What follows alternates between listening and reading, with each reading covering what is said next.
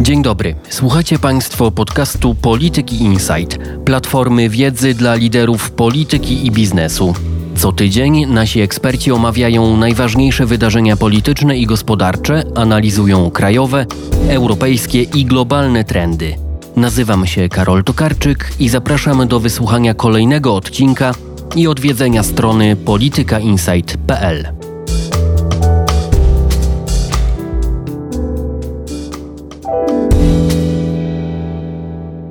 Odbicie gospodarcze po koronawirusie oraz wojna w Ukrainie wywindowały ceny surowców energetycznych i samej energii elektrycznej na najwyższe w historii poziomy. Europa, w tym Polska, zmuszone są do przyspieszonej transformacji energetycznej i dywersyfikacji dostaw surowców. Jakie będzie tempo tych zmian? A także jaki będzie ich wpływ na najbliższy i kolejne sezony grzewcze?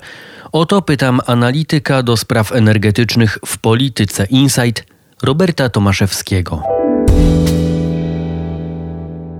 Robercie, zacznijmy w takim razie od spojrzenia na sytuację energetyczną w Polsce, ale pewnie też bardziej globalnie, no bo to się ze sobą łączy. Ile w tej chwili kosztują surowce energetyczne i jak ich cena zmieniła się w ciągu ostatnich miesięcy, w ciągu ostatniego roku? No mamy do czynienia oczywiście z bardzo napiętą sytuacją na wszystkich rynkach energetycznych. Kolejne surowce kopalne notują swoje rekordowe poziomy. No to może zacznijmy od cen energii elektrycznej, bo one jakoś w największym stopniu przykuwają naszą uwagę, jeżeli chodzi o rachunki, jeżeli chodzi o w ogóle konkurencyjność gospodarki. Obecnie jesteśmy na poziomach, jeżeli chodzi o kontrakty na dostawę energii elektrycznej na przyszły rok w Polsce, Polsce na poziomach powyżej 1600 zł za jedną megawattogodzinę energii. Dla porównania, rok temu w lipcu mniej więcej dokładnie tą samą ilość energii można było kupić za 350 zł. Więc tutaj widzimy skalę wzrostu, jaka nastąpiła. Tak ciekawostkowo mogę przypomnieć, że w momencie, w którym rząd podejmował decyzję o zamrożeniu cen energii w grudniu 2018 roku,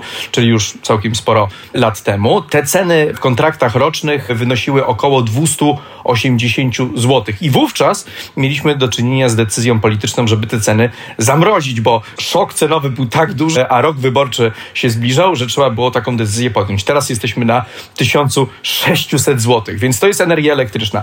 Jeśli chodzi o gaz, który oczywiście ma gigantyczne przełożenie na ceny energii w Europie, również jesteśmy na bardzo wysokich poziomach, naj, najwyższych od marca. W marcu osiągnęliśmy historyczne pułapy, teraz gaz jest kupowany za około 170 150 euro za megawattogodzinę tego surowca.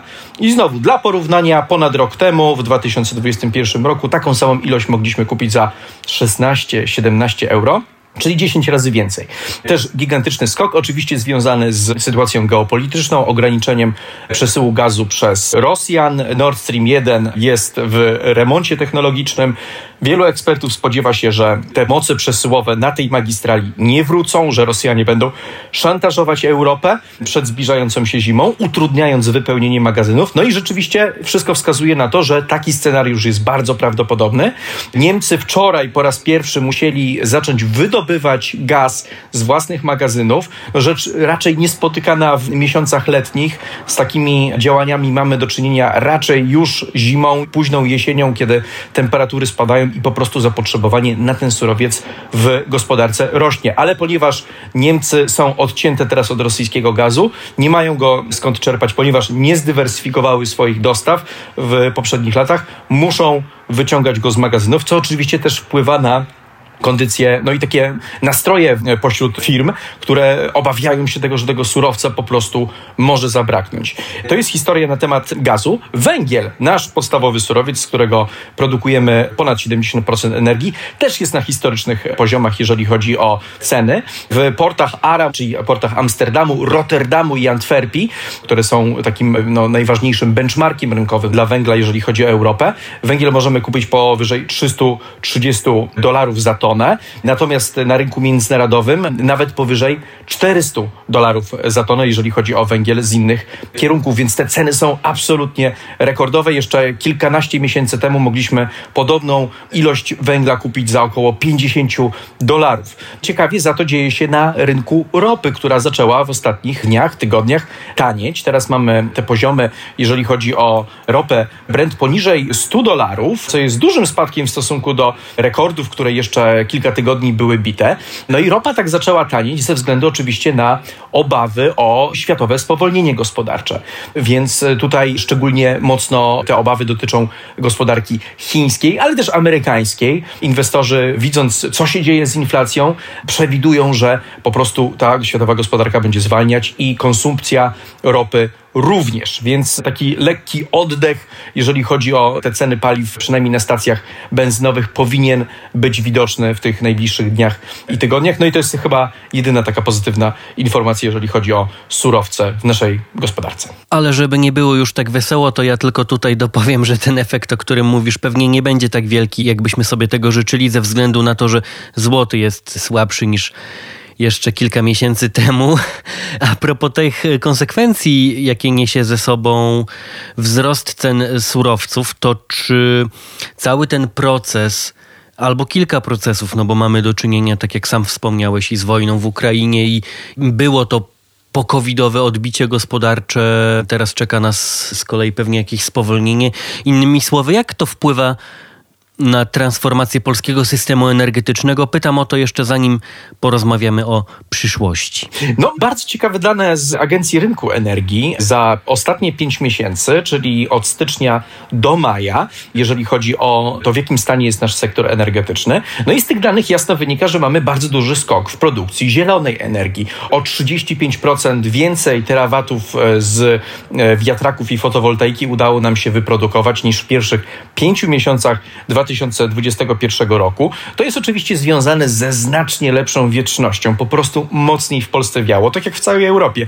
Dzięki temu farmy wiatrowe pracowały po prostu z znacznie wyższą efektywnością i dostarczyły więcej energii do systemu.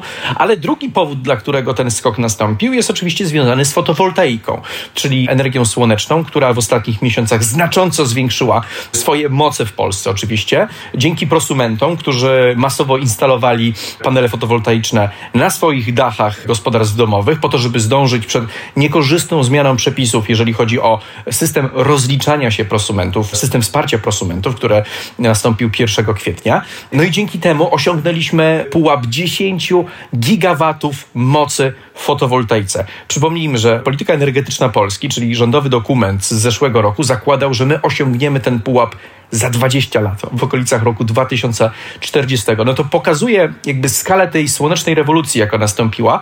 Ona jest korzystna i niekorzystna dla systemu energetycznego. Oczywiście w znacznie większej mierze jest korzystna, ponieważ ona go stabilizuje w tych bardzo trudnych momentach letnich szczytów zużycia energii. Mamy wysokie temperatury, wysokie zużycie energii przez to, że na przykład działają klimatyzatory i ta fotowoltaika dostarcza właśnie tej energii do sieci w tych najtrudniejszych dla systemu energetycznego godzinach, ale z drugiej strony, kiedy zbliża się wieczór, kiedy ta produkcja spada, musimy mieć w rezerwie moce, które będą zastępowały fotowoltaikę. No i to oczywiście przekłada się na skoki cen energii, na większą konieczność takiego elastycznego zarządzania bardzo starymi już naszymi blokami węglowymi, które nie zawsze się daje tak szybko uruchomić.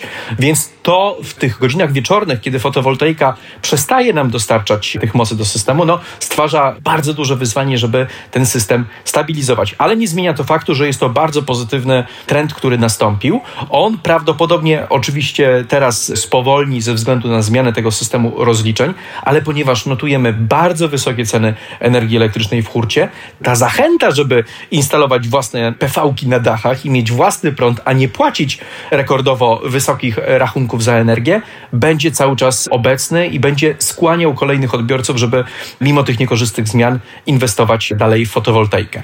Więc rzeczywiście widzimy taki mały renesans tej zielonej energii w danych e, statystycznych, co oczywiście nie znaczy, że druga połowa roku będzie równie zielona. Mamy do czynienia cały czas z kryzysem energetycznym. Będą bardzo możliwe, że przerwy w dostawach gazu, jeżeli chodzi o dostawy z Rosji. Bardzo mało jest węgla na rynku. Teraz na polecenie premiera PGE i węglokoks będą ściągały węgiel dla gospodarstw domowych, ale też elektrownie nie mają go zbyt wiele, ponieważ muszą go oszczędzać na zimę, a krajowe kopalnie nie są w stanie zwiększyć wydobycia znacząco, więc ta druga połowa roku może być znacznie mniej zielona, ale to oczywiście też będzie zależało od tego, co się będzie działo w pogodzie. Jeżeli będzie dużo wiało, będzie słonecznie, wówczas powinniśmy utrzymać te wysokie poziomy produkcji zielonej energii. No i jeszcze tutaj krótko dodam, że węgiel, po pandemii odnotował duże odbicie w polskim systemie energetycznym, jeżeli chodzi o produkcję, to po tych pięciu miesiącach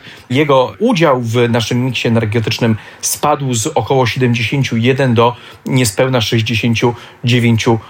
Nie jest on bardzo duży, no ale symbolicznie przekroczyliśmy tą barierę, więc zobaczymy, czy do końca roku uda się utrzymać węgiel poniżej tego poziomu. Zasadniczo jest tak, że o ile produkcja energii z węgla kamiennego jest coraz mniej opłacalna ze względu na szybujące ceny tego surowca, polskie elektrownie będą musiały w kolejnych miesiącach znacząco zwiększyć zakupy węgla za granicą, nie tylko z krajowych kopalń, o tyle produkcja energii z węgla brunatnego jest cały czas bardzo opłacalna. Węgiel brunatny jest wydobywany przy elektrowniach, jego koszty są znacznie niższe. Mimo wyższej emisyjności i co za tym idzie, konieczności dokupowania większej liczby uprawnień do emisji, żeby móc produkować taką energię, to w tych warunkach, w jakich się znajdujemy, operatorzy elektrowni na węgiel brunatny no, znajdują się w najbardziej komfortowej sytuacji, jeżeli chodzi o te paliwa kopalne, mogą maksymalizować zyski i prawdopodobnie takie grupy właśnie jak PG, która ma największą flotę elektrowni na węgiel brunatny, będą notowały bardzo, bardzo wysokie zyski po tym roku, właśnie dzięki temu, że mogą tą energię w miarę relatywnie dostarczyć tanio do sieci. Dobrze, jest y, dużo niewiadomych, które przed nami. Sam wspomniałeś o pogodzie. Nie wiemy, do których krajów, na jak długo Rosja wstrzyma wysyłkę gazu. Nie wiemy, czy wróci Nord Stream 1. Słowem, dużo niepewności przed nami. Jak europejscy decydenci, pewnie za chwilę zapytam też o polskich, będą sobie radzić w tych najbliższych miesiącach i kwartałach? Innymi słowy, czy jakoś można się przygotować do nadchodzącej zimy. Tutaj ta strategia, szczególnie jeżeli chodzi o gaz, bo pamiętajmy, że gaz jest tym surowcem, który w największej mierze ma wpływ na cenę energii elektrycznej w Europie. Elektrownie gazowe, ponieważ są najdroższe, zazwyczaj oczywiście one wyznaczają te ceny energii w hurcie, więc Europa, żeby przygotować się na trudną zimę, na ograniczenia w dostawach tego surowca ze strony Rosji, będzie dążyła do ograniczenia zużycia. I to jest główne przesłanie komunikatu Komisji Europejskiej, który zostanie opublikowany 20 lipca, który to w swojej treści, która wyciekła już do mediów, będzie skłaniał państwa członkowskie do tego, żeby uruchamiały akcje informacyjne zachęcające odbiorców do oszczędzania gazu. To będzie oczywiście związane również z poszukiwaniem jego zamienników. Tutaj, jak obserwujemy dane za ostatnie miesiące, to widzimy, że te wolumeny gazu z Rosji, które nie zostały dostarczone do Europy, zostały zastąpione poprzez gaz skroplony, głównie ze Stanów Zjednoczonych. Czerwiec był pierwszym miesiącem w historii, w którym Unia Europejska dostała więcej gazu ze Stanów Zjednoczonych niż z Rosji. Problem w tym jest tylko taki, że druga połowa roku prawdopodobnie tak dobra już nie będzie, ponieważ Stany Zjednoczone nie są w stanie zwiększyć bardziej swojego eksportu LNG ze względu na na przykład pożar w jednym z terminali LNG w Freeporcie. Dopiero od 2023 roku te wolumeny zaczną rosnąć.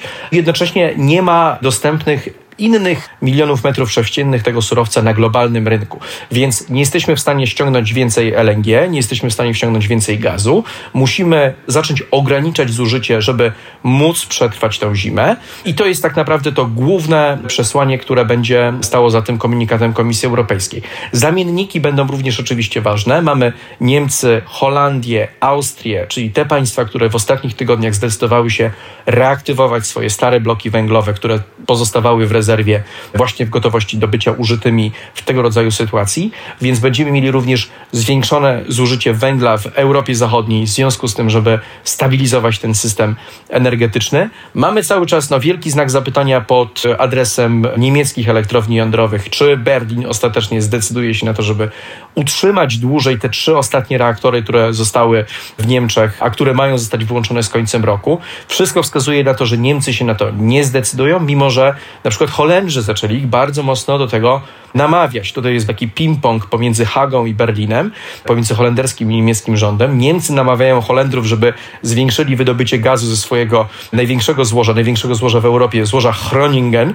Natomiast Holendrzy oponują przeciwko temu, bo takie działanie wiąże się przede wszystkim z większą niestabilnością gruntu. Dochodzi do trzęsień ziemi, które doskwierają lokalnej ludności. No i Haga odbija tą piłeczkę i mówi, no dobrze, to jak wy chcecie, żebyśmy zwiększyli wydobycie gazu, no to wy przedłużcie żywotność waszych elektrowni jądrowych. Na taki krok zdecydowali się Belgowie, którzy mieli wyłączać swoje atomówki już w 2025 roku, ale widząc to, co się dzieje na rynku energii, postanowili na wszelki wypadek przedłużyć ich funkcjonowanie o 10 lat. Oczywiście problemem jest też susza. W drugiej połowie lipca będziemy mieli do czynienia z kolejną falą upałów, która już zaczyna coraz mocniej doskierać zachodniej Europie. Mamy kolejne rekordy w Hiszpanii, w Portugalii. To jest o tyle ważne, że Francja, która jest tradycyjnym eksporterem energii elektrycznej, teraz stała się jej importerem, ponieważ połowa jej bloków jądrowych nie działa ze względu na awarie techniczne, ale też ze względu na niski poziom wód. Elektrownie jądrowe potrzebują ogromnych ilości wody do tego, żeby chłodzić i wytwarzać parę więc to też stanowi bardzo duże wyzwanie. Norwedzy mają podobny problem z wodą. Norwegia, która też jest taką wielką baterią dla Europy, dostarcza tę energię, a sama produkuje ją nie z paliw kopalnych, tylko w 90 kilku procentach właśnie w hydroelektrowniach, też ma problem z podażą wody i też chce ją oszczędzać na sezon grzewczy, żeby wówczas te elektrownie mogły działać z pełną mocą. Więc jeżeli to sobie wszystko zsumujemy, będziemy mieli prawdopodobnie do czynienia z kolejnymi rekordami cen i kolejnymi działaniami, które będą skłaniały odbiorców do tego, żeby ograniczać zużycie nośników energii, no bo inaczej ten sezon zimowy, który nas czeka, będzie nieprawdopodobnie drogi. Znaczy, my już wiemy, że on będzie nieprawdopodobnie drogi dla odbiorców, dla budżetów państw, które będą musiały wspierać najbardziej zagrożone gospodarstwa domowe, no i branże oczywiście, które ustawiają się w kolejce po pomoc państwa, bo po prostu nie mogą utrzymać rentownej produkcji w takich warunkach rynkowych, w jakich się obecnie znajdujemy. Okej, okay, to teraz wracamy do Polski i pierwszy obrazek, który widzę, to premier Morawiecki, który mówi, żebyśmy czym prędzej ocieplali swoje domy i budynki, żebyśmy zdążyli przed zimą, bo ta zima nie będzie łatwa. Ten wpis zniknął z mediów społecznościowych, z Twittera, ale rozumiem, że nasi decydenci też mają niemały problem, jak poukładać ten system energetyczny przed zimą, to po pierwsze, a po drugie, no mówiłeś o tej fali upałów, ona w przyszłym tygodniu dotrze do Polski. Stan wód już nie jest wysoki, to eufemizm z mojej strony. A też widzimy, że kolejne branże martwią się o stopnie zasilania. Ostatni raz mieliśmy z nimi do czynienia w 2015 roku, o ile dobrze pamiętam. Innymi słowy, jaka sytuacja krótkoterminowo nas czeka, czyli w najbliższych tygodniach, no a potem jak będą wyglądały te miesiące zimowe? Blackoutu raczej nie będzie, to znaczy odcięcia od dostaw energii w taki nagły sposób. Mimo bardzo napiętej sytuacji, system energetyczny cały czas ma wiele linii obronnych, które może wykorzystać. Pomoc międzyoperatorska, czyli taki awaryjny import energii, elektrownie szczytowo-pompowe, no i wreszcie te stopnie zasilania i ewentualna jakaś tam reglamentacja, ograniczenie zużycia w przemyśle, ale tu już jest też ostateczność. Z tym, że oczywiście jeżeli upały będą się przedłużały, zapotrzebowanie na energię pozostanie wysokie, a sytuacja za granicą nie będzie lepsza, no to wówczas można sobie wyobrazić sytuację, że jakieś branże będą musiały po prostu ograniczyć to zużycie energii i to jest mniej więcej stan energetycznej gry, jeżeli chodzi o lato. Jeżeli chodzi o sezon grzewczy, no to tutaj najwięcej będzie zależało od tego, ile tego gazu do Europy wpłynie. Jeżeli rzeczywiście Rosjanie zdecydują się na zatrzymanie Nord Stream 1 permanentne i nie wznowią tego przesyłu przez całą jesień i początek zimy, no to możemy się spodziewać tego, że faktycznie kryzys energetyczno-gospodarczy zaostrzy się do skali, której jeszcze nie widzieliśmy. Tutaj największym takim czynnikiem ryzyka oczywiście jest gospodarka niemiecka ze względu na swoje uzależnienie od rosyjskiego gazu. Już to, co słyszymy w tym momencie z Zaodry, jeżeli chodzi o obniżanie temperatury w basenach, zmniejszanie właśnie tej temperatury dostarczanej przez przedsiębiorstwa ciepłownicze, rozważana kwestia nacjonalizacji takich przedsiębiorstw jak Uniper, żeby pomóc tym firmom e, przetrwać ten bardzo trudny okres, już pokazuje, że wpływ tej sytuacji na całą europejską i polską gospodarkę no, będzie gigantyczny, no i trzeba się przygotowywać na ten czarny scenariusz. Energii powinno wystarczyć, gazu powinno wystarczyć dla gospodarki, chociaż to oczywiście też będzie zależało od Nord Stream 1. Może być za to problem z węglem, szczególnie dla gospodarstw domowych. My tutaj mamy do czynienia z rosyjskim embargiem, które zostało wdrożone przez Polskę już w kwietniu. 10 sierpnia wchodzi embargo europejskie na rosyjski węgiel, ale te dane za ostatnie miesiące już pokazują, że ta sprzedaż rosyjskiego węgla na europejskim rynku znacząco spada.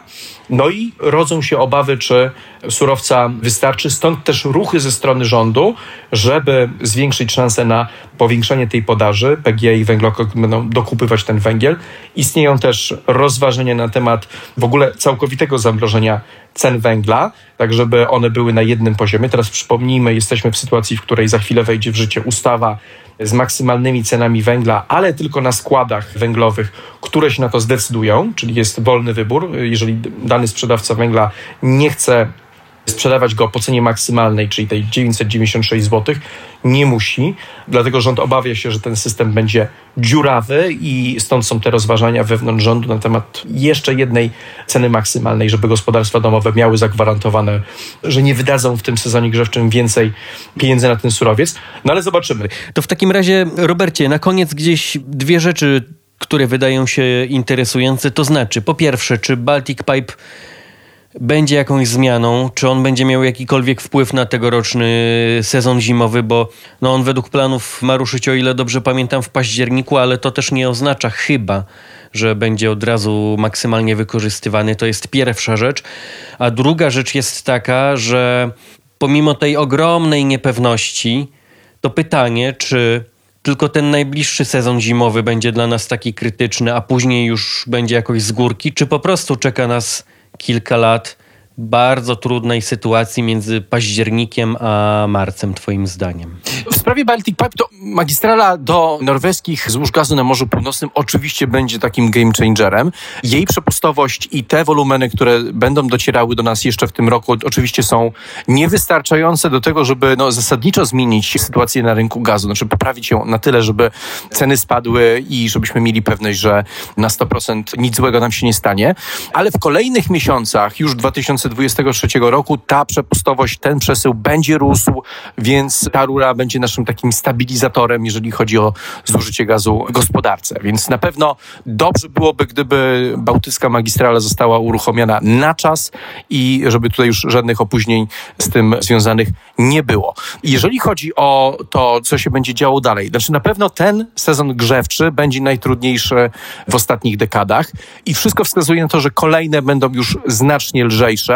To jest oczywiście związane z tym, że Europa będzie stopniowo przestawiała się na inne źródła energii, uniezależniała się od rosyjskiego gazu, czyli ten szantaż energetyczny Moskwy będzie coraz słabszy. Będziemy mogli ściągać coraz więcej gazu LNG z globalnego rynku, będziemy mieli coraz więcej odnawialnych źródeł energii, które będą zastępowały konwencjonalne bloki zależne od dostaw paliw, na przykład z Rosji.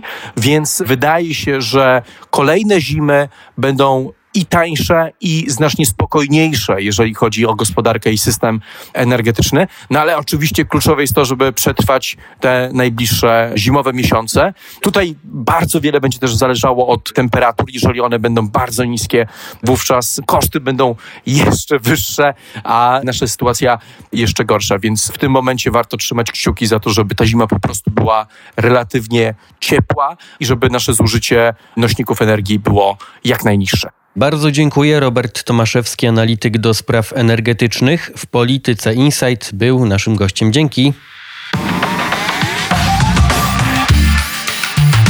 Głębokie zmiany w życiu gospodarczym i społecznym dokonują się tu i teraz, ale nie wszystkie są łatwe do dostrzeżenia. Uwagę opinii publicznej często przykuwa szybko rozwijające się środowisko nowoczesnych usług cyfrowych. Tymczasem niezwykle ciekawe i ważne procesy zachodzą w przetwórstwie przemysłowym. W przemyśle tworzone są i wdrażane innowacje. Przemysł jest też kluczowym elementem transformacji klimatycznej. Nazywam się Hanna Cichy, jestem starszą analityczką do spraw gospodarczych w Polityce Insight. I to właśnie o tych kwestiach będę rozmawiać w nowym podcaście Przemysł do zmiany. Partnerem serii jest Siemens Polska, a premierowego odcinka będziecie mogli Państwo posłuchać już w lipcu. Więcej informacji wkrótce w mediach społecznościowych Polityki Insight. Do usłyszenia.